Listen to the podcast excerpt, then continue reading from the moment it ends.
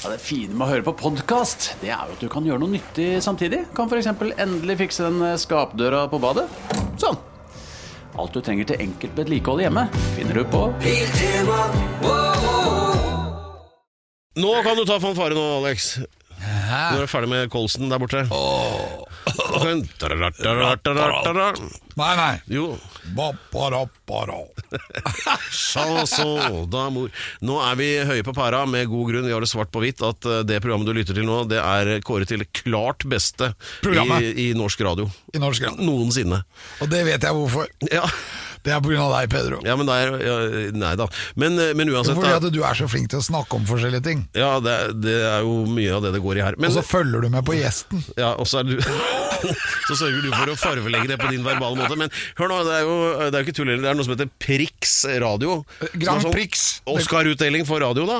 Og der vant dette dumme lille radioprogrammet årets sendeflate, faktisk. Dumme lille. Det fantastiske radioprogrammet Alex Rosenshov. Og så sier de andre her at vi kan ikke sitte og skryte av det på eget program. Og si, eh, jo, det kan vi! Ja, skryt mer, da. Ja. Jeg kan bare si, si deg en ting. At jeg bare More, more. Ja. Give me more. Jeg føler, føler jo presset nå, men er det mye hardt arbeid som ligger bak? Det er det, det vi jobber jo veldig hardt hver uke. Vi Ja. skriver jo ned spørsmål til gjesten. Ja, vi gjør det. Og det er jo klart, med de ressursene og pengene som syltes ned i dette programmet, så kommer det jo resultater. Det gjør jo det. Vi er jo blitt mye bedre til å høre på andre når de prater. ja. Ja det, var, god- det var jo smart. Det skal jeg skrive opp. Ja, for det, det er veldig viktig å få med seg faktisk hva de sier. Ja. Fordi alle vi har som gjester, sier jo masse rart hele tiden. Ja. Men det er det å få det med seg. Ja, det er det. Det er, det er jævlig vanskelig med radio. Ja, jeg har veldig problemer med det. Men jeg føler at du på en måte er min ryggrad, Per. Ja, i like måte. Men det er litt sånn der at eh, hvis det er noe jeg ikke får med meg, så får du det med deg, og motsatt. da? Ja, jeg får meg alltid med meg de litt sånn sløve Så, detaljene. så til sammen så får vi med oss sånn borti 30-40% av det som skjer. Ja, du får med deg det som faktisk skjer. Ja, ja, ja. Så Per, gratulerer med pris. Ja, det samme. eh, Og vi kommer til å skryte jævlig mye av det gjennom hele episoden. Det Ja, kan for jeg love. dette, dette programmet er nå dedikert det å få en pris. Ja, det er sånn, så det, Du som nå lytter på dette, det er som å finne den der gullbilletten i sånn Willy Wonka-sjokolade, det faktisk. Ja, og det har vi funnet. Jeg trodde jo ikke mine egne ører. Nei, Du fikk jo ikke mer utdeling engang. Jeg måtte jo ringe deg tre timer etterpå og si Alex, nå vant vi sånn pokal. Hæ? Jeg tenkte bare, vant jeg nå igjen? Jeg føler at jeg vinner hver eneste dag. Jeg. En ny dag, tenker jeg. Ja, nei, men sånn er det bare. Men øh, og ellers, øh, blir det noe på Ramdan? Det er veldig dårlig. Men jeg vant jo den prisen, Ja, det, ja, og da ble jeg kjempeglad. ja, ja, ja. Men uh, har du det fint? Er, det, er du klar for å møte vinteren? Jeg er klar for å møte denne ukens fantastiske gjest. Ja. En av de mest markante uh, popkulturelle personene i Norge. Ja, En slags sånn øh, trendfølsomhetens Titanic i Norge. Ja, Han har dukket opp med en fantastisk nordlandsdialekt. Hver eneste gang han dukker opp på TV, så tenker jeg Bodø. Ja, Det er som en sånn pipestemme som slynges mot deg i ca. 1,50 meter i høyde, og det legger du merke til når han setter i gang. Ja, Ikke minst så mener researcheren vår at han ligner på Robbie Williams. Ja, men der tar, der tar han feil, og han har ikke på seg linsen i dag, la jeg også merke til. Så, men altså, denne fyren ligner på Robbie Williams på samme måte som, eh, som at Montgomery Clift kan minne om meg. Uh, altså ikke i det hele tatt, men, uh, men, men kan, kanskje i ånden. Det kan være. Men du kan ligne litt på meg da, Per. Jeg prøver jo Nei, jeg gjør ikke det. Men eh, det er jo, vi snakket om dette med, altså fra da, litt elegant her nå da, fra Prix radio til Grand Prix er jo egentlig, blir jo mye av uh, temaet her da, og det er jo han som blir da Og det er egentlig et veldig døvt tema, for det har ikke noe med rock å gjøre. Nei, egentlig ikke, ikke sant? Men, uh, men altså det er da fra uh, Det er to stykker som har blitt kalt for sånn Grand Prix-general. da Den ene er Jostein Pedersen, ja. det er ikke han. Og den andre er Jostein Flo. Så da er det Jostein Flo, som i dag har kledd seg ut som Per Sundnes og kommer hit snart. Alex Rosén Show. En podkast fra Radio Rock. Velkommen tilbake til nummer én på norsk radio. Jeg kommer til å nevne prisen et par ganger.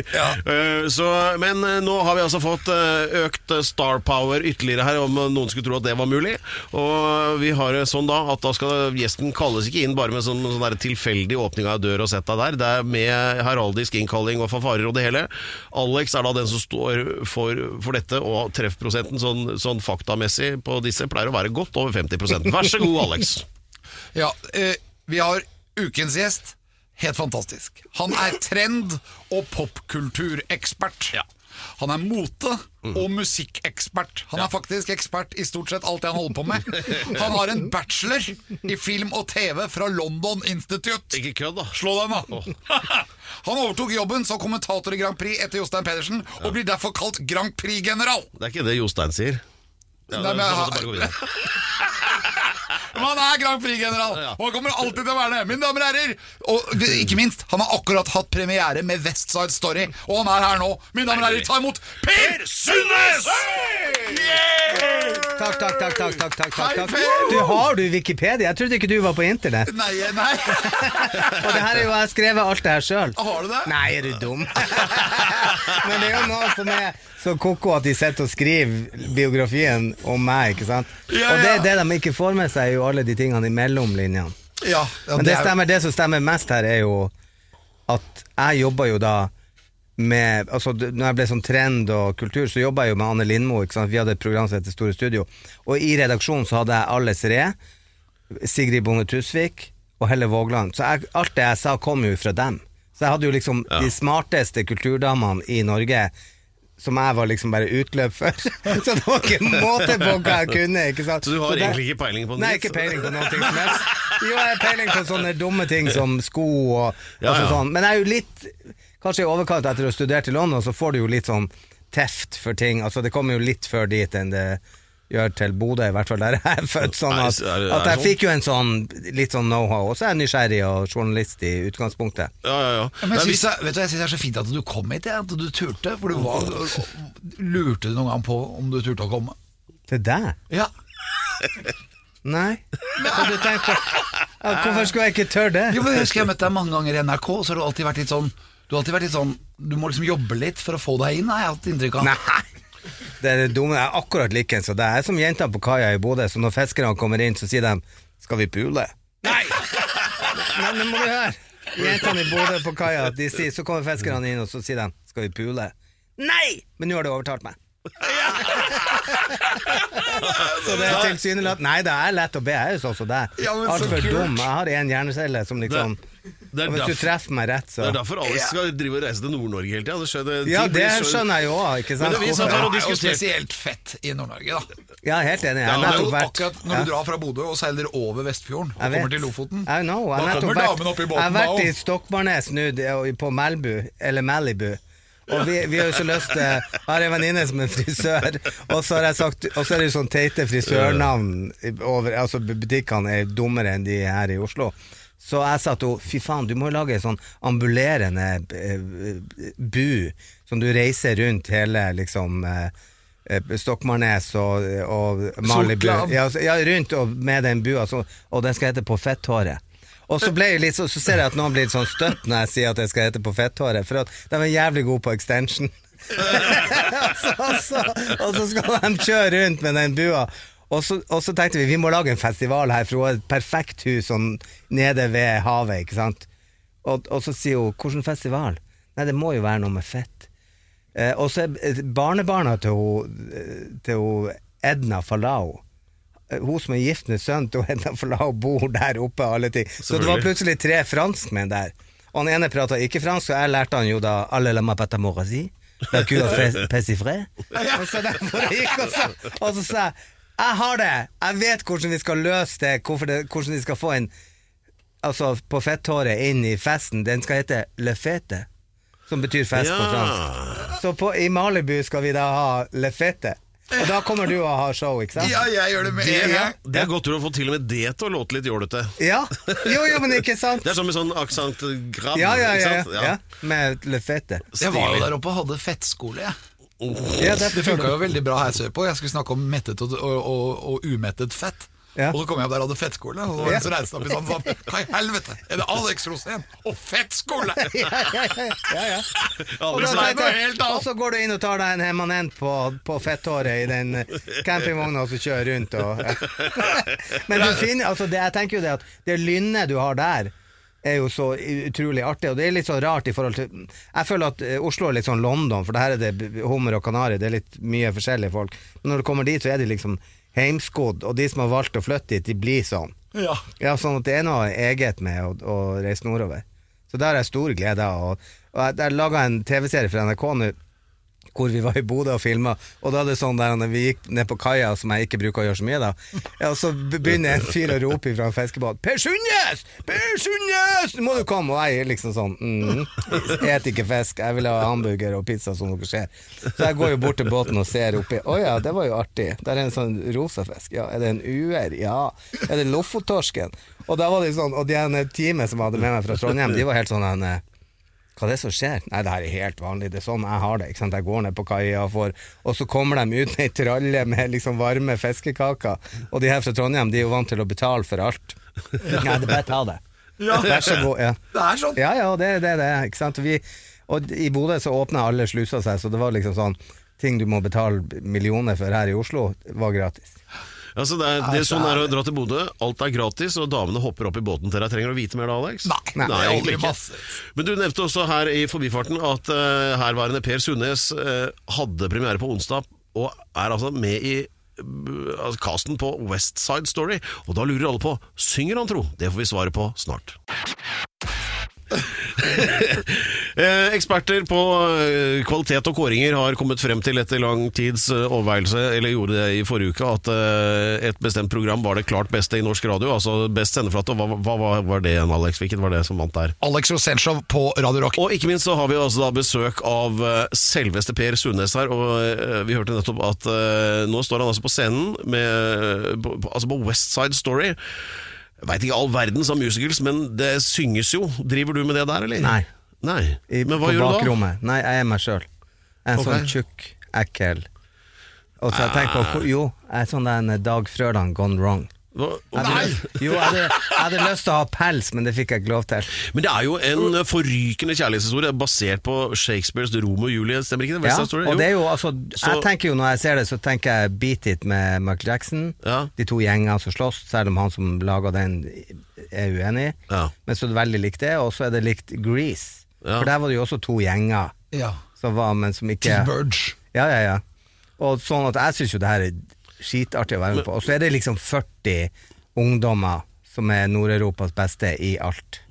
Dansere og Ja, sangere. De som er med. Og, Ja, de som er med. Så jeg går jo rundt bare som en sånn tjukk, gammel Men hva gjør Ja, men du du har jo helt sikkert en viktig rolle, da. Nei, jeg har jo en sånn tullerolle. Jeg er liksom litt meg sjøl, så jeg er på scenen i ti minutter, og det varer i 1 time og 45. Men tar du noen piruetter når du kommer ut, da? Ja, Det får vi jo se etter hvert. Jeg jobber jo med uh, uh, Sahid Ali. Så vi, har jo, vi er jo ikke helt trygge. Nei, Så i dag, i dag så skal vi ha møte med regissøren. Han er jo Saeed, for at det er Dere må faktisk holde dere til manus. Kan ikke han, mann. kan ikke han Saeed gå inn i den drømmesekvensen og være politi i den drømme... Nei. Drømmesekvens. Det er da du må spørre hva er manus? Ja, ja, ja. Har vi fått noe manus? Jeg har ikke fått noen ting som helst. Så det er veldig gøy. Og så har vi så Altså, min rolle er så liten at den glemmer å si at å, vi har bytta om dansen. Så på en prøve for et par uker siden så hadde jeg vært borte noen dager. Og så kommer jeg tilbake, og så hadde vi avtalt at du skal stå på den plattingen. Så går jeg og stiller meg på den plattingen, og så kommer alle danserne sprengende, og så piruett og det er alt mulig. Så jeg tenkte å wow, dæven, hva kult! Ikke sant? Der står jeg, og de tar piruetter. Og så kommer de bort til meg. Fjern deg! Å ja, ok. Det var feil. Jeg skulle ikke stå der. Men de har glemt å sagt det til meg, liksom, så jeg holdt på å bli drept Ja, av liksom. hvorfor, hvor- hvorfor sto du der, da? Nei, for at jeg hadde fått Forrige beskjeden var det. Og så var det kommet nye beskjeder siden sist. Men de har glemt å si det til meg, for jeg er ikke liksom den største rollen. Det er dumt å si det til hovedrollen. Ja, nei, jeg er jo ikke hovedrollen, men i den scenen er jeg jo det, så det er jo dumt å si at du skal stå der når de skal drepe deg med og, piruetter og hei og hå salto og Det er sånn parkour, blanding mellom alt. Så, så casten er liksom sånn alt ifra sånne topp breakdansere til sånne folk som driver på med sånn Dere har jo sett sånne de som tar salto, som står på føttene og bare tar salto rett. De er liksom med. Turn. Nei, ikke så- turn. Det er mye kulere. Det er, liksom, ja. Det er sånn som når du var Du, du føler jo på det. parkour. Ja, parkour, ikke sant, som er, er Hoppe oppover bygninger og Ja, og alt mulig, og plutselig så er det en piruett, og så ja, gjør de ting og tang. De er med. Så det er jo veldig artig å se på når de driver og Jeg og Zaid Ali står jo der som liksom Jeg vet ikke hva vi er. Helland og Halland, Ja, eller ja. er det det? ja, ja, vi er jo helt Vi står bare og ser på de, og de står og streker, og plutselig foten over hodet. Ja, for Zaid han vil ikke danse, han heller. Nei, nei, nei. Og så er vi sånn Hva vi skal gjøre? Skal vi late som vi strekker, vi òg? Ja vel, akkurat. For vi er jo der hele tida i lag med de her, så det er jo veldig til. Men nå har jeg funnet ut hvor min plass er, og det er at med mikrobølgeovn og lage mikrobølgepopkorn. Så det kjøper jeg etter hver. så når de kommer ned, så står han 'Kom til onkel, snille onkel' med varm popkorn når de er ferdig med scenene sine. Men Følte du at du gapte over for mye? Nei, jeg tenker at jeg må jo si Altså, det her har jeg aldri gjort. Jeg har ikke spilt teater siden jeg gikk i sjette klassen. Nei. Og det er ikke Og så sier man folk du er jo vant til å stå på en scene. Nei, ikke sånn. Altså, så det er veldig artig eh, eh, øvelse. Jeg tror ikke jeg kommer til å gjøre det igjen. Ja, men Du er litt sånn som meg, at du bare svarer ja, da. Jo, men du må jo prøve det. Du kan jo ikke ikke si det. Og da visste jeg jo ikke at dette kom til å skje med, med korona. Det som skjer nå, er jo at jeg har jo aldri jobba så mye som jeg gjør nå. At jeg har liksom ikke nok timer i døgnet. Ja. Sånn at eh, på, På grunn av at jeg laga en serie med NRK, så er det sånn at når jeg har tre sekunder fri, så er jeg liksom på telefonen med det. Og så er det mm, Nei, og så lager jeg mine programmer på, på NRK Klassisk og P2, som også må gå videre. Sånn at nå jobber jeg fra åtte om morgenen til Ja, vi har vel siste tilbakemelding halv elleve i kveld. Og så er jeg på igjen i morgen tidlig klokka åtte for å lage program igjen. Da blir du ikke veldig sliten? Nei, livet er for kort, vi skal være døde så lenge. Så sliten er jo når du blir når du blir gammel. Jeg ble sliten av bare å høre om det her, egentlig. Men, uh, Ja, Nå er jo du stort sett sliten. Jo, men også, altså er det jo sånn anlagt, ja. Men tenk deg at jeg, jo, jeg er makelig anlagt jeg òg, sånn at det er jo ti minutter jeg står på den scenen. Så det er jo bare sånn at jeg vet at jeg, etter jeg er ferdig hos dere, så skal jo jeg opp dit og sitte og vente. Jeg har ennå ikke skjønt hva du gjør på den scenen. Nei, det er jo det, Snakker det jo- du må jo komme og se det. Ja, må jo det, Så, tydeligvis. Det var noe med popkorn. Nei, det er Det er ikke noe med popkorn. Jeg er meg sjøl på et vis. Jeg er en sånn igangsetter på en fest. Jeg tenker det er litt sånn der forliksråd. At det er to slemme gjenger som slåss, og så må de komme inn til den eh, fallerte homoen som har en sånn en klubb, som en ungdomsklubb på et vis. Og så skal jeg ha dem til å bli venner, disse to gjengene. Og det klarer jeg jo ikke å få til. Men benytter du deg av Zaid Ali, da? Ja, ja, ja, han er jo min bodyguard. Oh, ja, han passer Ja, på, ja. ja. Så når de sier 'flytt deg', så bare Ja, sender du fram salen? Ja, ja, klart. Nei, han går først inn og rydder vei. Ja. Slår dem litt ned sånn, med den, ja. Og så kommer jeg inn. For at jeg har veldig lyst til å gå og se det her. Ja, altså Det artigste er jo at det er liksom han Kåre Jonny Enderud som har kostyme, så jeg går jo i, i gamle Great Garlic Girls-klær. Kåre Jonny er fantastisk. Jo jo, men det er jo sånn jeg, er Er ikke ikke det sånn sånne supertighte paljettkjoler? Nei, noe? det er faktisk De hadde også noen jakker. Ja. Ja. Nei, men jeg har jo lyst på Jeg hadde lyst til å ha pels, men jeg fikk ikke det. Men, Hvorfor ikke? Nei, de, det var vel noe gammelt skit de hadde hengende, at jeg ikke er den viktigste. så, så fikk jeg den gamle paljettjakken. Ja. Ja. Men det ender med at du tar over hele showet. Ja, ja, ja, men vi gjør jo det. Altså. Det er derfor vi skal inn på Skjendepreken i dag. For dere må ikke begynne å styre så mye utafor manus. Skal du mene? At min scene tar ti minutter ekstra? For at jeg, jeg og han Saeed har det så jævlig artig. Og jeg og han vi kjenner ikke hverandre så godt, så vi møttes en gang på et event i Bodø. Og så er han så jævlig til stede. Så han, det ble så jævlig artig, for at han forsto alt det her med hvordan Bodø-dyret er. Ja. Sånn at jeg ble bare sånn Du, du er faen meg min bestevenn. Nå skal vi dra på fest på nachspiel til han Tynsveien, som sitter i rullestol og skal dø. Eh, Som er min beste venn i Bodø. Og da ble jo han sånn Yes, jeg blir med til han Tynsveien! Så vi var jo, hadde jo nachspiel i lag hele natta med mine Bodø-idioter. Eh, og så har jeg ikke sett han siden vi fikk begge tilbud om rolle i det her, så tenkte jeg ja, det er jo reunion. Så nå har jeg oppi sekken nå, så jeg, Han bor på hotell, for han bor egentlig i Horten. Så jeg har tatt over morsrollen, så jeg lager lunsj til han så han ikke skal bruke opp alle pengene sine på Sonny kebab. Ja. Så nå har jeg jo lært meg en ny kusin, sånn pakistansk kusin, så det driver jeg og trener på. Så det, jeg har det jo jævlig artig. Livet mitt er utrolig fullt av mye andre ting enn det folk tror, men, eh, men det er en del av det. Så det, vi koser oss i hjel. Og Nils Ole Oftebro, som spiller også politi, han sitter og ser på meg hver kveld? For det er monitorer i, i garderoben. Så kommer han ned og sier han 'altfor lite homo'. Så sier jeg 'hva du mener?' 'Du er altfor lite homo'. Og så jeg skal være mer homo ifra han Nils Ole Oftebro, som er liksom han som er kjent for å slå i hjel alle i hele Norge på film. Altså har vunnet eh, Amanda for å være konemishandler. Han sitter og 'Du er altfor lite homo'. Gjør sånn her. Prøv sånn. Gjør sånn. Kan ikke du gjøre mer sånn med hendene? Det er det han må. Og det er jo jævlig at det er bare sånn Ok, hører jeg det her, ikke sant? Hvorfor filmer jeg det ikke? Så det er veldig artig. Så Anette Hoff og han er med. Han Og er er det kanskje altså- det minst skrullete menneske i Norge. Ja. No, ja, ikke si Eller, ikke det. For det er jo akkurat det som jeg tenker Hvor, hvor den spisskompetansen kommer fra. At jeg skal liksom gjøre sånn med hendene og knikse litt med knærne og sånn. Det er noe innestengt der, altså. Ja. For øvrig satte vi nettopp nå en eh, rekord i norsk media. Og det er at eh, vi har nå hatt et intervju med Per Sundnes eh, gående nå i over eh, 16 minutter uten at Grand Prix har vært nevnt. Ja. Det er jo det er jo ikke dårlig. Så da skal vi endre på det rett etter dette. Alex Rosén Show podkast. Tilbake her i eh, Norsk eh, Radio Podcast svar på eh, Grand Canyon, Alex Rosénshow. Og eh, vi har besøk av selveste Per Sundnes, og det var umulig å unngå. Nå er vi inne på temaet Grand Prix. Er det noe Grand Prix-action på deg nå om dagen? Uh, nei, nå er jeg jo litt, litt eh, bundet opp. Altså, det blir jo aldri slutt. Altså, det var jo en grunn til at jeg slutta med det. Ja. har, du har et, et Jeg gidder ikke å bygge ut Vi er ute etter de huset. skitne detaljene. Oh, ja, nei, det er ikke noe skittent. Det er noe, det er jo, du har opplevd mye der. Ja, men det har jo bare vært gøy. Det er jo sånn, Men jeg er blitt gode venner med alle disse her som har vært med opp gjennom tida. Sånn at det er jo Grand Prix action på meg ja, det, er hele ikke, det, er ikke, det er ikke sånn at det var en konspirasjon som presset deg ut og Nei, nei, nei. nei, nei. Det, var, det var hele ønsket om å gjøre noe annet. oh, ja. Og da slutta jeg i NRK. Men du hadde ikke sagt noe feil heller? Nei, nei, nei, nei, nei. Så det var bare at du, du, du kommer til et punkt hvor du ikke har plass rundt kjøkkenbordet. For min måte er veldig sånn hands on, sånn at jeg tar jo vare på de som er med. Jeg gjør jo fremdeles det. Så jeg har jo nesten daglig kontakt med en eller annen Grand Prix-person som Altså nå i dag så har jo platebransjen er jo, er jo borte, management er borte. Så folk må lage sine egne styrer i sitt eget liv, og da sitter jeg sittet i veldig mange sånn uformelle styrer for å hjelpe folk i råd. Skal jeg være med Skal vi danse? Skal jeg være med i Stjernekamp? Skal jeg være med hit? Skal jeg være med dit? Og så kan du råde om alle sånne ting. Ja, men jeg har jobba i TV i 100 år. Altså, det er jo min utdannelse. Sånn jeg er jo analytisk anlagt. Det er jo derfor Grand Prix ble en suksess. Altså, Rybak sin seier var jo min analyse. Ja.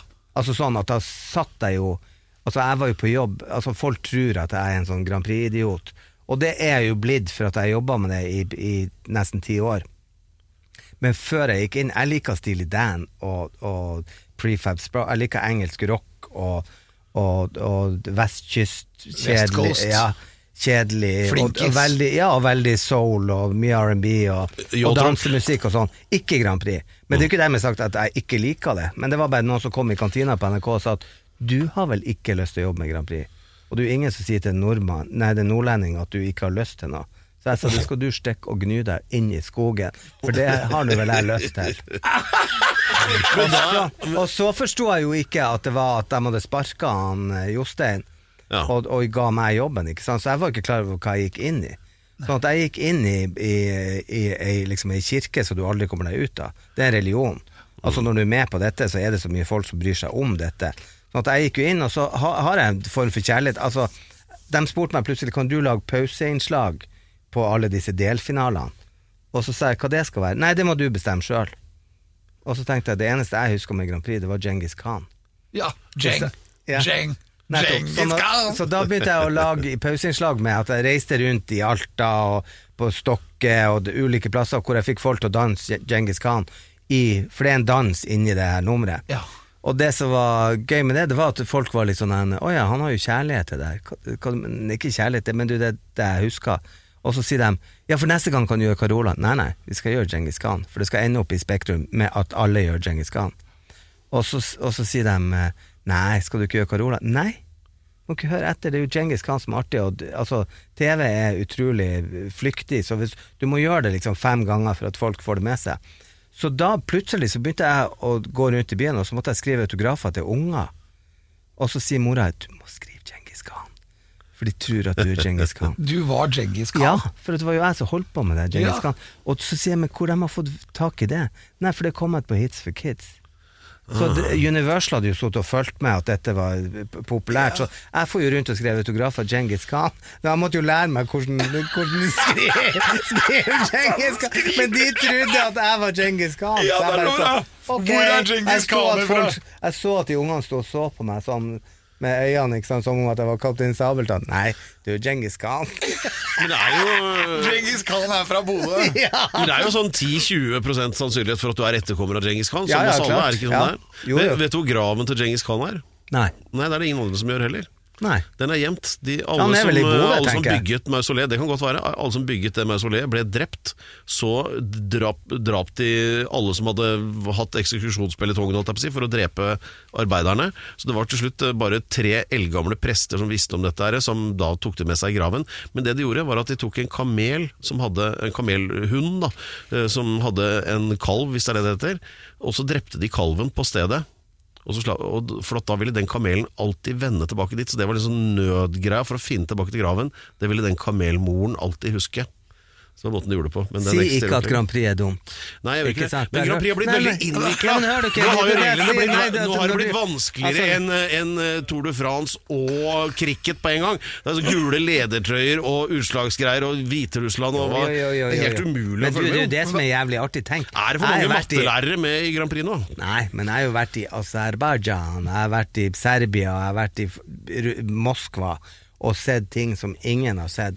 Altså, det er jo så utrolig ko-ko. Moskva var ganske heftig. Jo, men det er jo bare sånn, altså der ble jeg prøvd lurt. Da var det en nordnorsk journalist som bodde der, som jobba som eh, eh, Jeg vet ikke hvem han jobba for akkurat da. Men han sier vi går ifra Den røde plass til, eh, til hotellet. Så gikk vi da, og så er jeg bare litt sånn ja ja, klart vi gjør det, ikke sant. Ja, skal jeg vise deg ting og tang på veien. Og vi ble jo råda til ikke gå alene noen plass. Men han var jo kjent med han da, så vi gikk alene. Så gikk det noen foran oss, så plutselig så mista de en seddelbunke med dollar foran oss. Så han, gjøken, sprang jo og tok den opp og ga den tilbake til dem.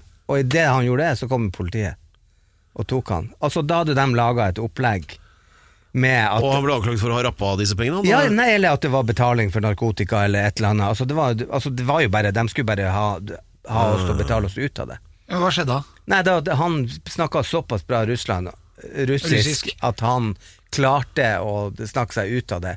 Så vi bare gikk. Men da var det liksom Ok, jeg tror jeg tar bussen. Den NRK-bussen resten av av turneen. Men så korrupt er det, liksom. Og da var politiet med på det. Politiet sto liksom inne i en sånn undergrunnsnedgang og venta på at dette skulle skje, og så kom de og tok han. Og da sto jo jeg der liksom sånn Hva tenkte du da? Nei, jeg tenkte jo bare at nå var det mine Nei, jeg følte meg ganske trygg for at eh, altså Russland, alle disse østblokklandene, de har så lyst på denne konkurransen, for de tror at det er liksom verdens beste reklame, som det ikke er. For at alt kommer jo til, til overflaten uansett. Altså, du kan bruke så mye glitter du vil, men skiten kommer opp uansett. Så det var jo mye sånn der Det var artig å ha med seg Rybakovic til Russland, for han snakka russisk. Sånn at han var jo sånn som gikk ut og sa at jeg forstår ikke hvordan dere kan slå ned på det, liksom, eh, gay pride her og sånn, i pressekonferanser, og det var jo helt sånn på russisk. Det skal han jo ikke si. Så han var ganske tøff i trynet. NRK, eller media i Norge, fikk ikke det med seg, men han var veldig sånn outspoken. Vi dro til Aserbajdsjan, hvor de hadde revet 500 hus for å bygge en ny arena, ikke sant, til å ha Grand Prix i. Og så, eh, så hun eh, Lorraine som vant i Aserbajdsjan, hun dro jo til den flyktninglandsbyen hvor de, hadde, de som måtte rive husene, bodde. Sånn, og det hadde ikke de forutsett. De trodde jo bare at vi kommer hit med glitter i håret. Og, og. Men folk har jo et sosialt ansvar og føler med på det. Det er jo innmari interessant å sitte og snakke med folk fra Armenia og Aserbajdsjan som er i krig, når vi er der.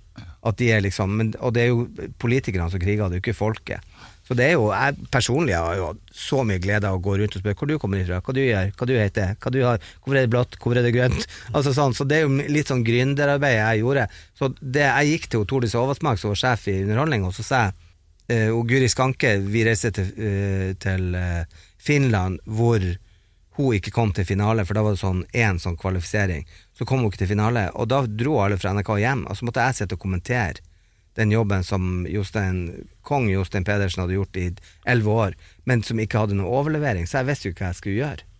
Så jeg snakka jo over pauseinnslag og alt mulig, og så klart, vi fikk jo rekordlave seertall. Eh, rekordlave seertall! Ja, for at hun, Guri Skanke var ikke med. Norge var ikke med i finalen. Nei, ikke sant. Sånn at vi fikk rekordlave, og da gikk jo han ut i media og sa at det var min feil. Og så tenkte jeg du din jævla same, jeg skal ta deg. og så gikk jeg til og Tordis Oversmark og sa du Tordis, eh, hvor mange år gir du meg? Hva du mener? Nei, jeg tar over. I'm going in. Så hva du mener? Nei, vi skal vinne der, vi kan ikke være med å bli nummer 19. Og så, eh, og så sier hun ja, hva du mener, hva du skal gjøre. Og så ser jeg at hun tenker Din lille same, hva er det du tenker? Og så nei, jeg har funnet, jeg skal finne ut av det. Og så gikk vi inn, og så, eh, lang historie kort, fikk jeg Maria Haukås med første året, ble vi nummer fem, og da var vi jo så nært pallen, ikke sant? Så da spurte jeg jo alle de som slo henne, hva dere gjør, hva det er, hvorfor er det, hvem er de danserne, hva er det sånn, bla bla bla. Og så fikk jeg masse forslag fra dem. Se på Norske Talenter, for eksempel, og se hvorfor det? Nei, for der er det, er det ofte dansere med som gjør noe annerledes enn andre. Så jeg dro hjem, og så ei uke etter vi har blitt nummer fem, så ser jeg Frikar. Og så ringer jeg til Frikar ikke sant? og sier hallo, dere skal være med i Grand Prix. Eh, hvorfor det? Nei, for dere danser liksom halling og break. Det blir ikke bedre. Det er akrobatiske ting i det, og alle dere er heterofile. Jeg kunne jo si det, da. Men vi hadde jo før holdt på med jazzballett. Og når vi åpna for, for Øst-Europa, så kom jo dem med sånn streetdansere som har mest lyst på jenta i midten, ikke på hverandre, som vi hadde et problem med. Men sånn at eh, Så dermed så fikk jeg frikall før jeg fikk Rybak. Så fikk jeg tak i Rybak via, via, via. Og så tenker jeg jo, herregud hvor genialt. Vi, så jeg sier til han, når vi sitter på den norske pressekonferansen, og du har vunnet Eurovision, så snakker du russisk. Det er jo genialt! Og så ser jeg, han er russer, så lyset går jo på i øynene hans. Han er med. Ok, nå tar vi dem. Og da måtte jo jeg finne 22 andre låter, for da hadde vi 23 låter. Så jeg hadde jo den først. Fairytale. Altså, det Og så rigga, mai året før hadde jeg den. Ja, jøss.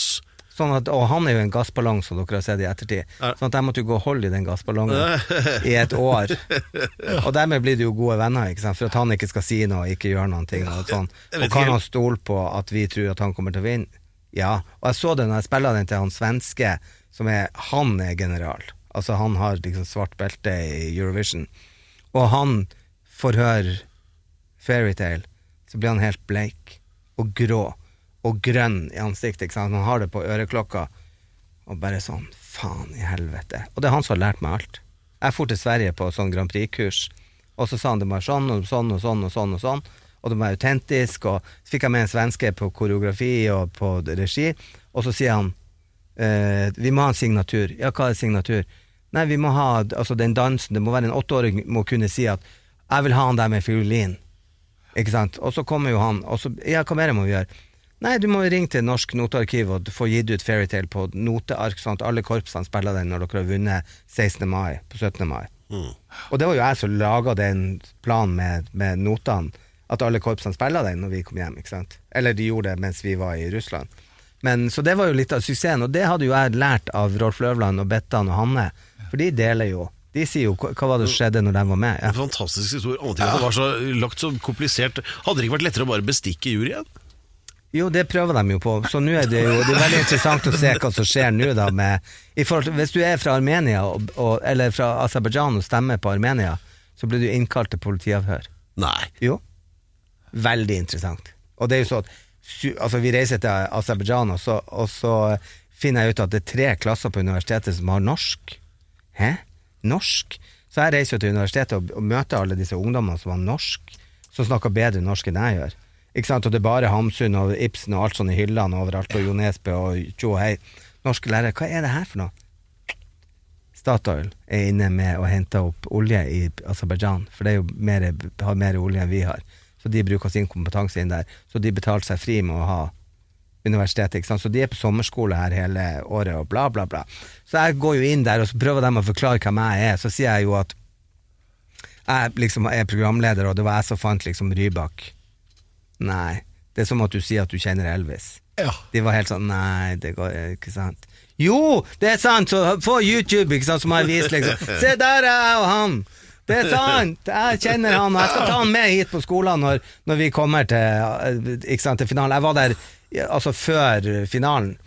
Og da var det jo bare et vanlig universitet med tre klasser som var veldig søte og nysgjerrig på Norge og hvem jeg var. Og, sånn. og de trodde virkelig ikke at det var Rybak. Så avtaler jeg når Rybak kommer til Aserbajdsjan, for han var der, det var jo 17. mai der, så Statoil hadde jo selvfølgelig 17. mai-fest med Rybak, som ikke hadde noe der å gjøre, for det var liksom Tooji som var vår artist. Men så, så har jo jeg lova denne klassen, så jeg fikk låne den NRK-bussen. Så vi kjører til eh, universitetet, og så ser jeg plutselig at det står masse bevæpna eh, menn med ryggen til bussen vår og peker med geværene ut. Så sier jeg hva faen er det som skjer her? Og så nærmer vi oss universitetet, så er det liksom fullt Altså det er elleve presse... Altså kamera der med altså TV-stasjoner. Da var det plutselig blitt offisielt besøk, det der at han Alexander skulle komme på skolen til disse norske elevene, hvor de måtte danse fairytale mens vi satt og så på. Og de fikk ikke møtt han, ikke sant? for han skulle jo da ha offisiell møte med ordfører og lensmann og prest og, og hei og hå, så jeg ble jo helt sånn faen, det var jo ikke det jeg hadde planlagt. At det, det er jo gøy for Eurovision at han kom dit og sånn. Sånn Da måtte jo jeg lage sånn en snikgreie på hotellet på kvelden, at alle de elevene, de 90 elevene fikk lov å komme og møte han, og ta de selfiene som jeg hadde lova. Så da, de trodde til slutt at jeg kjente han. Men det er gøy, for da reiser du dit, da kan de to ting om Norge. Tor Heyerdahl og Alexander Rybak. Og Tor Heyerdahl har en påstand om at det er noen folk som ser ut som Alex Rosén, som bor oppe i fjellene. For at før istida, når istida forsvant, så for eh, så drev vi og trafikkerte mellom Aserbajdsjan og, og blant annet i Alta så har de samme eh, samme eh, Hva det heter for noe sånne eh, runer på, på, i fjellformasjoner som er helt like som i Aserbajdsjan. Sånn at min mann gikk i, på Tor Heyerdahl-museet, som de selvfølgelig har i Baku, og går dit, og så ser alle For han ser ut som en blanding mellom Armani og Josef Ritzel. Altså hvit i håret. Så han går, han går inn der, og så kommer alle til han 'Er du norsk? Er du norsk?' Og så sier han ja. Hvor høyt er de runene på fjellet i Alta? Sier de i Aserbajdsjan, på andre sida av verden. ikke sant? Ja. Så så opptatt er de, er de av det. Og så har Tore Heyerdahl vært der og rørt opp i grøten og sagt at mm, det vi Aserbajdsjan Norge samme. Her var det mye rart. Grand Prix-general Per Sundnes. Ja, det, var, eh, det var mye info både om Grand Prix og Aserbajdsjan. Eh, Nå er det snart eventyrstund her i eh, Alex Rosénshow, og det er da det segmentet hvor Alex deler en historie fra sitt mangslungne liv eh, med oss vanlige dødelige. Da. Og eh, nå har jeg glemt hva overskriften var. Hva var det, Alex? Det som Eh. Kong Olav.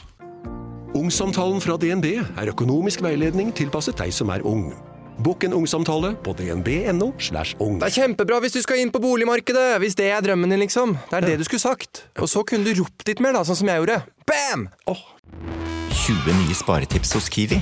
Mitt sparetips er nyheten fra First Price kylling lårfilet. Garantert billigst i Kiwi.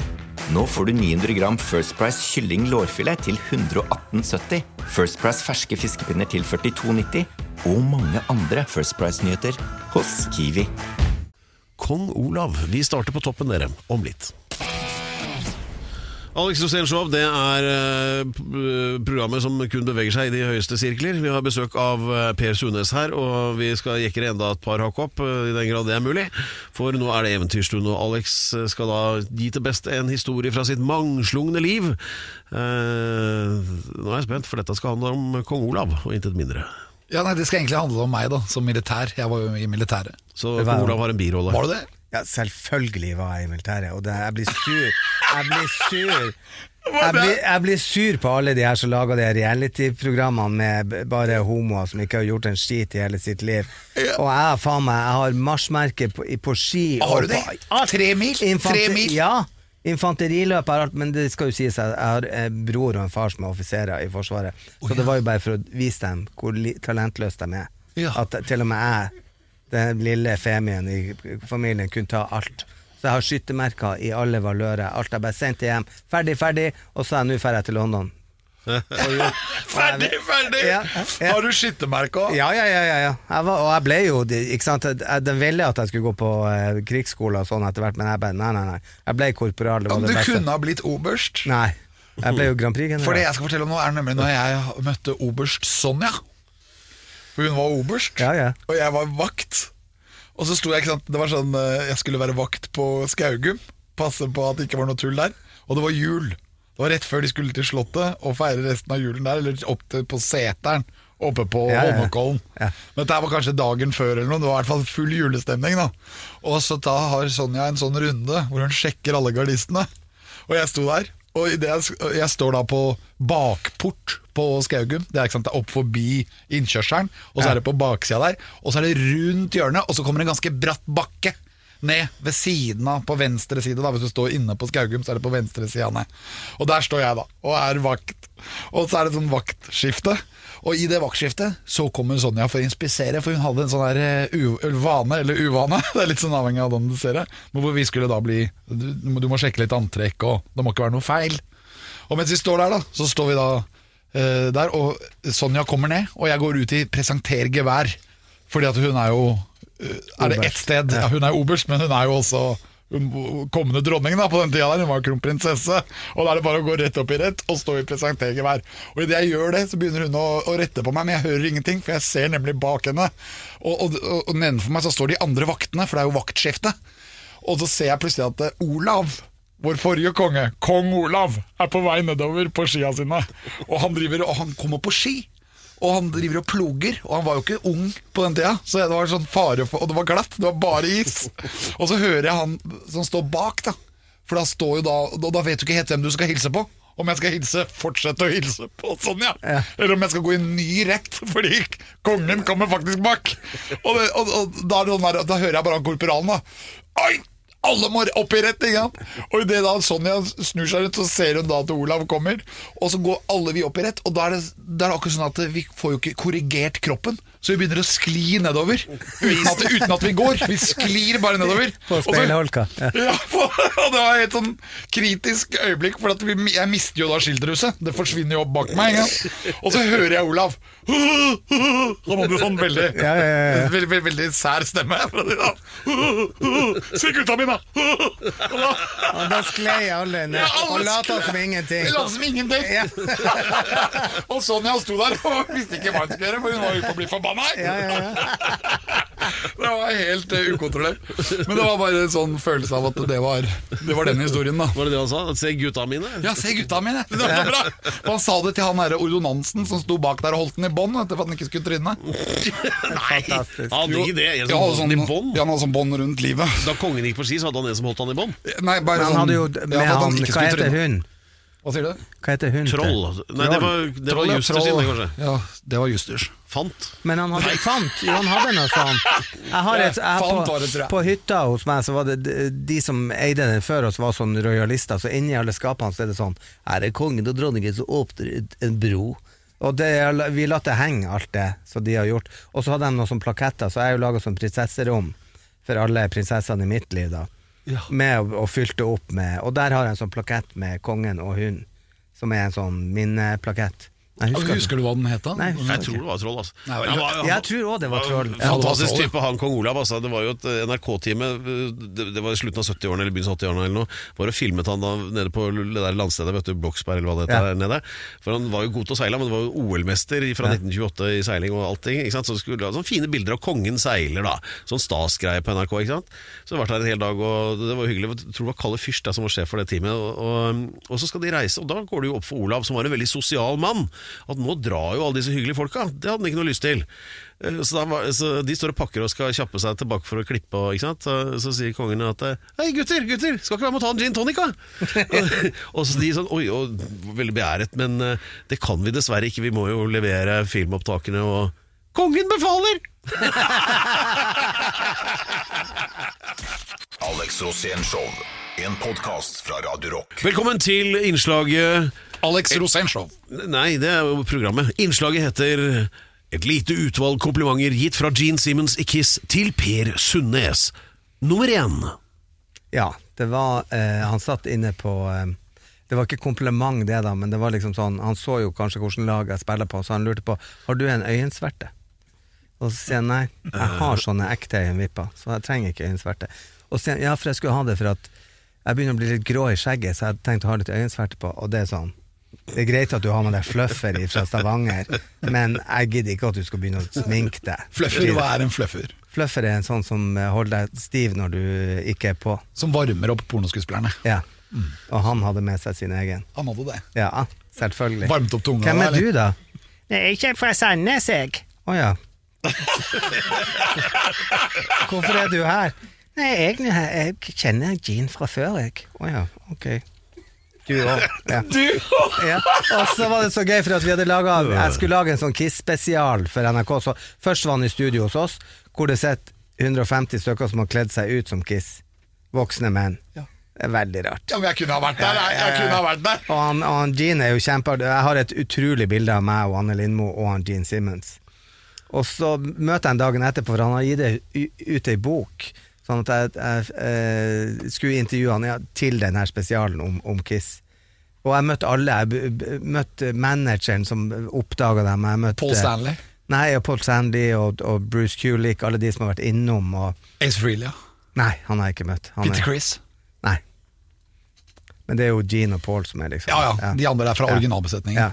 Sånn at, eh, men og jeg brydde meg om eh, Kiss helt siden jeg var barn. Ja, jeg òg. jo, jo. Men kanskje litt forskjellige grunner. da Hva var de, hva var de, hva var de- Hvis jeg skal få lov å sminke meg, så må jeg jo sminke meg som Kiss. Ja. Ikke sant? Ja, jeg så det var jo liksom meg, liksom ja. at jeg hadde lyst på Barbiehus og Kiss. Men det var jo liksom jeg og tenkte at det, om Barbiehus og Kiss! ja. Så jeg tenkte, Per, at det, selv om du hadde sminket deg med den Gene Simmons-sminken, så tror jeg jeg hadde kjent deg igjen likevel. Ja, det spørs. Det var veldig fint. Jeg vil jo være Paul Stanley, han har jo rød leppestift. Ja, og Ja. så kunne han kysse hele tiden. Ja, ja, ja, så jeg har jo bilder av meg sjøl fra sjetteklassen som Paul Stanley. Ja. Og så jeg var stjal en parykk hos noen som andre som var på den samme karnevalet, for at jeg hadde ikke parykk. Så ble jeg enda mer lik Paul Stanley. Men samme, ja ja. Men eh, jo, og så sier han til meg dagen etterpå, når jeg kommer og skal gjøre sånn one-to-one-intervju med han, så sier han Per, jeg har tenkt på en ting. Du har så innmari fine øyne. Og da er det sånn, nei, nå henger jeg meg, det gidder jeg ikke. Oh, ja, så det er du som er beff i den sangen? ja, da. det er det jeg også tenker på. Hva i faen er det slags gener han har? Liksom, hva du har spist i dag? Du må jo gjøre jobben sin, og den jævla flufferen. At uh, Gene Simmons Jeg vil ikke ha noen komplimenter fra Gene Simmons. Han skal jo være jævlig. Ja.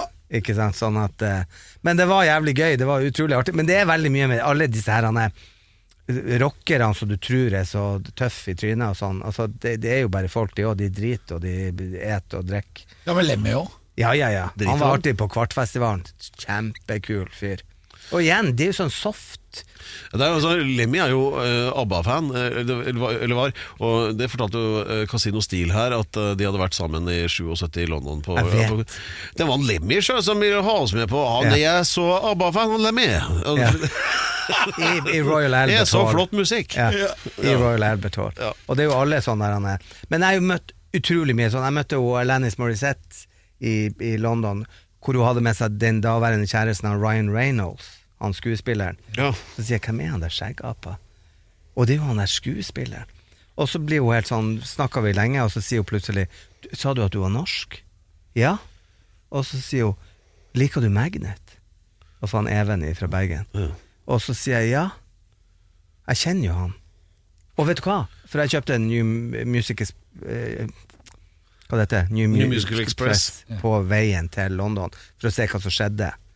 Og så hadde, så jeg da at han skulle ha et konsert i London, på Royal Festival Hall. Så under intervjuet så tar jo jeg opp telefonen og ringer han Even. Og sier du, er det greit at du har Lennis Morissette og Ryan Reynolds kommer på konserten i kveld? ja, det er greit. Han trodde først at jeg tulla. Sier nei, jeg tulla ikke. Du er faktisk på tape as we speak. Ja, men da kommer de klokka halv åtte. Går inn bakveien, og så eh, ja, får du bare hilse ifra meg. Jeg sier nå bare at de står på gjestelista. Ok. Og de får jo dit. Og det var jo liksom det kuleste som kunne ha skjedd. eh, Even. Så så liten er jo verden. Den er ganske Ja. liten, ja. Så det er jo innmari hardt. Jeg var også og jobba med noe Jeg møtte JC i, i New York, og så hadde han ei dame som jobba rundt seg, så sier han Du kjenner ikke hun Kjersti? Så sier jeg Kjersti Hva hun jobber med? Nei, hun er sånn Asia-korrespondent for NRK.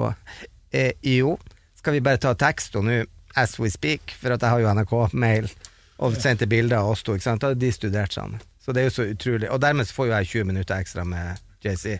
På grunn av at jeg kjenner Kjersti, som jeg ikke kjenner, men som jobber i NRK. Ja. Og samme, jeg møtte Benny Andersson i ABBA, og så kommer det ei dame og sier 'Å, er du norsk?' Og jeg elsker å gå i fjellet. Jeg går i fjellet med Hanne Roaldsen i, i, i underholdning. Ok, selfie time, sendte Hanne Roaldsen for svak Å, hils, det var nå så koselig. Og det er hun som har vært manager for ABBA hele livet. Som vant en Grammy nå for et par år siden. Så dermed så fikk jo jeg 20 minutter ekstra med Og nå Benny. har du da noen minutter ekstra Her, ja. på Alex Rosén Ja. Ja, det, det, det er jo ikke småtterier, det heller. Du, du har en tendens til å ende opp der hvor det er litt ekstra gromt.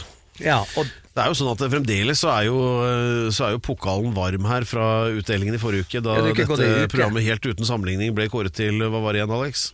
Eh, årets sendeflate. Klart beste sendeflate, var det det? Jeg vet ikke hva det betyr, men Sendeflate, jo. Det er at dere sender- vet jeg hva er. Nei, men sendeflate er jo at dere sender over lang tid. Ja. Oh, ja. Sånn at det er liksom tre timer attacker, sånn at eh, det er ikke ett program, men det er liksom en sendeflate. ja, ja. Sånn at jeg er jo det. sånn, jeg følger jo med i timen. Ja, men da må Sånn du at- det nå. Ja, ikke sant? Sånn at jeg følger med i timen, så jeg så jo Jippi, jeg skal på være gjest hos dere etter dere har vunnet Årets sendeflate. Det er jo kjempestas. Ja. Og hadde jeg hatt litt bedre tid, så hadde jeg baka, men det hadde jeg ikke. Men jeg har jo da fått printa ut eh, begrunnelsen til juryen. Ja. Og her er juryens begrunnelse. Vinneren forteller veldig godt og klarer å kombinere varme og humor på en svært god måte. Det er bra energi, og det er morsomt. Det er ekstremt underholdende, og selv om stemningen er uhøytidelig, føler gjesten seg godt ivaretatt. Dette vil vi gjerne høre mer av. Vinneren er Alex Rosénshow! Radio Rock! Og da har jo jeg tatt Tusen Altså, dere ligger jo, Radio Rock ligger jo oppå en Nille-butikk. Så jeg gikk jo rett inn dit og kjøpte dere medaljer. Og se her! Ja, der. Per Sunde sa med. Å, hjertelig takk. Fantastisk! Forstår dere? Ja. Og så har vi jo da ei flaske. Som gjør på vegne av eh, Sånne sjokolademedaljer med, med champion nummer én. Du er så også på liksom. vegne av Grand Prix-klubben, hele Norges befolkning og juryen, så vil jeg jo da at vi må sprette den her. For jeg skal jo på, forestillinga forestilling etterpå, og det er ingenting som er bedre enn å være litt skeiv i skøytene. Ja, vi må sprette den! Få opp den flaska, Alex. Oi, oi, oi. Her, er- det er sjampis. Tror, tror du det, Alex? Det at er dette- kremant. Er det det? Hva Ja. er forskjellen på det? Kremant er en litt billigere sjampis, men like god.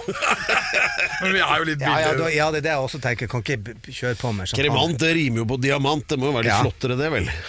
Men hvor eh, var dere overraska over å få den prisen?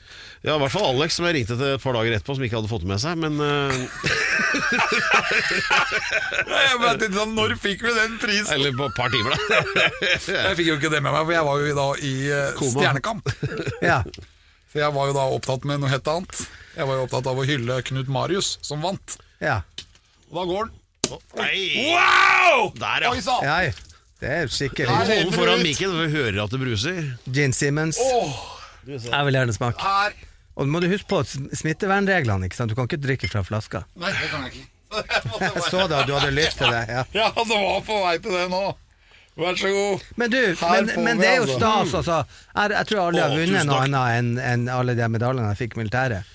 Nei. Og det er jo evig nok. Ja, det men det må jo være artig Ja, det må jo være artig å vinne en sånn pris. Ja, det er jo helt utrolig. Jeg, får sånn, jeg har, det har ikke gått opp for meg ennå, egentlig. Nei, for jeg tror ikke at det er det dere sitter og gjør her, at dere tenker at uh, nå skal vi dra hjem den gjeveste prisen for Ja, norsk vi har, vi har, vi har tenkt det før. Har er dere det? Vi, har, vi, eh, vi var nemlig i Aserbajdsjan og planla at vi eh,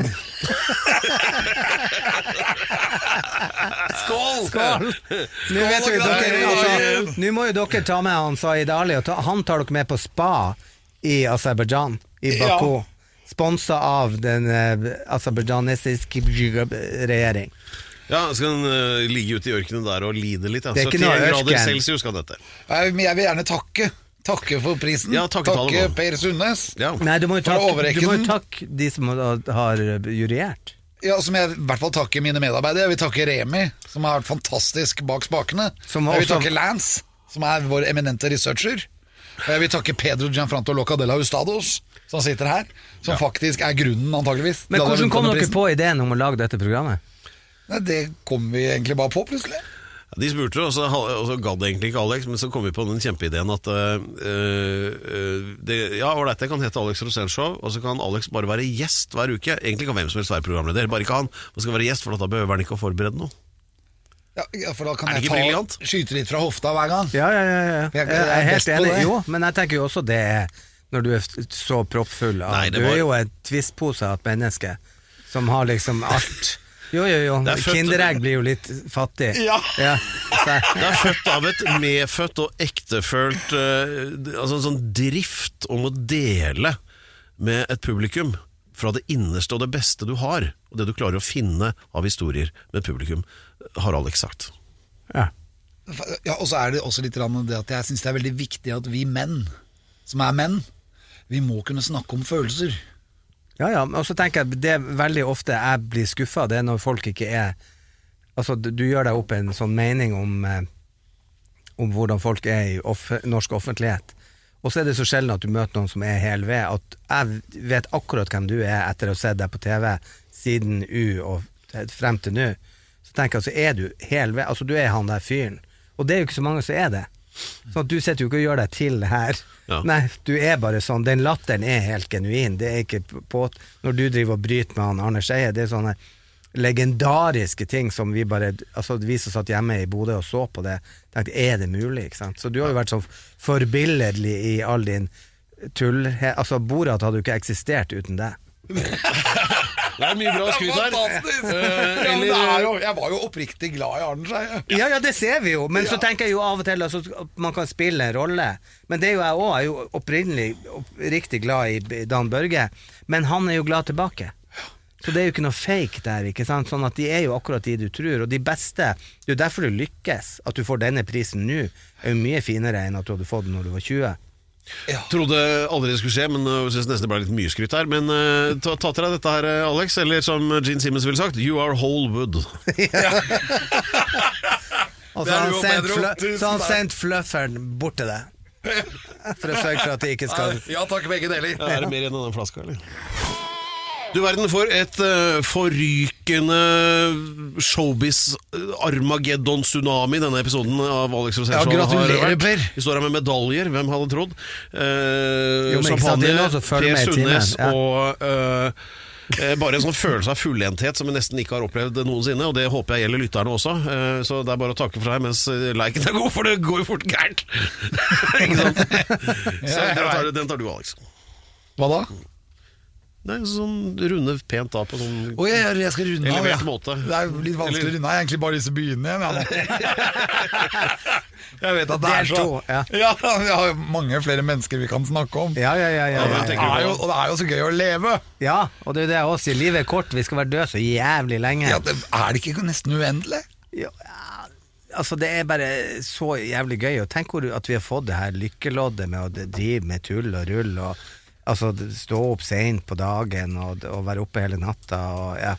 Det er, det er klart det er, eh, det er herlig å leve, for det er, i hvert fall er det bedre enn alternativet, som vi sier. Ja, men du veit jo hvor bra det er Men å jeg tar leve. nå vare på, jeg tar nå vare på alle de som er døde òg, så tru meg. Ja. Ja, så det driver jeg også med. Ja, ja, det har jo vært allehelgensdag i helga. Har du sånn krympeskallesamling? Nei, jeg går jo sånn? rundt på gravene til de kjente kjære som er døde, og, og passer på at det er nok glitter.